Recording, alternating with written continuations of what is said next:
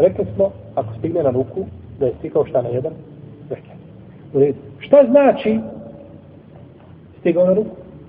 Ovo je sada spor. Imamo osnovu, ako stigne na ruku, stigao je u redu. Ali šta znači stigao na ruku?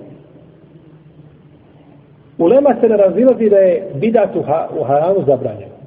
U redu. Međutim, spore se da li je određena stvar bidat ili nije. U redu. Pa nekad neko od uleme dozvoli stvar za koju mi kažemo bidat. I kažemo, ta je Alim dozvolio bidat. To je pogrešno. On nije dozvolio bidat. To kod njega nije šta? To kod njega nije bidat. To je kod njega stvar koja ima osnove s ove ili s one strane. Pa je razlika u tome da neko dozvoli bidat, da kaže jeste ovo je bidat, no međutim ja ga dozvoljavam, i da kaže ova stvar u osnovi se može tako da ima smeti.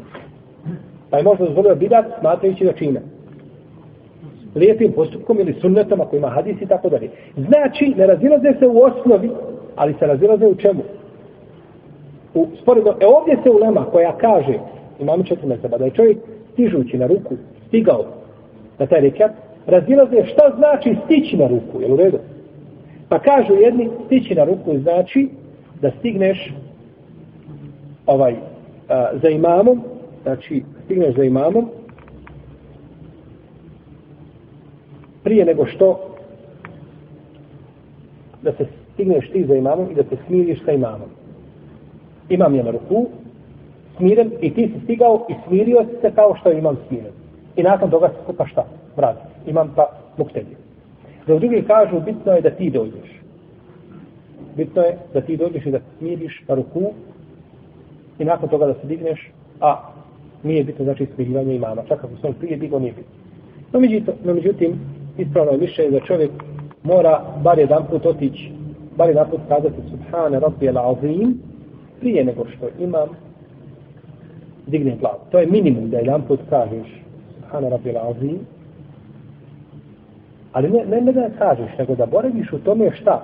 Vaktu na gdje? Na ruku. Jer taj izgovor nije šta?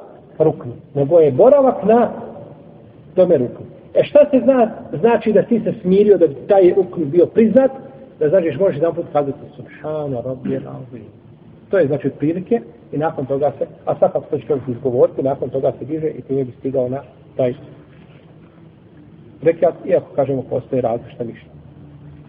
No međutim, ako čovjek dođe i kaže Allahu Ekvar, na ruku ide, a vidjet ćemo, vidjet ćemo izgovora takbira, i ode na ruku, subhana rabbi la i sumnja ga uhvati u srcu, je li stigao ili nije stigao. Ha.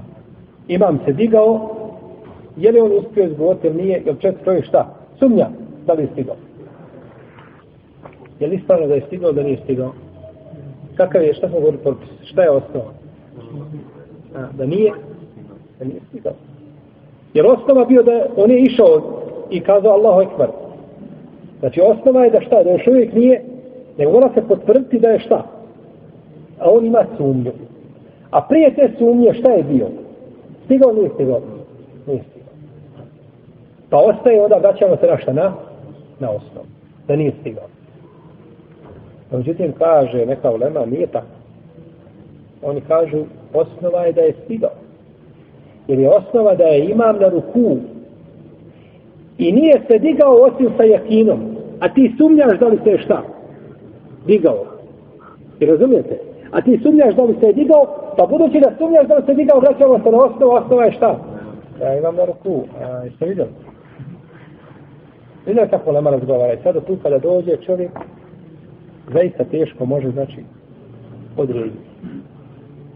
No, međutim, ima ovdje jedna tačka. To je Ko je ovdje bitan? Muktedija ili imam? Biti sve jedan i drugi. No, e, međutim, Muktedija koji je došao, on želi da stigne na i u njegovom srcu se je pojavio, znači sumnja da li je stigao. A on prije toga nije bio stigao, pa neće računati. I sigurnije da ne računa šta taj, sigurnije da računa taj reći.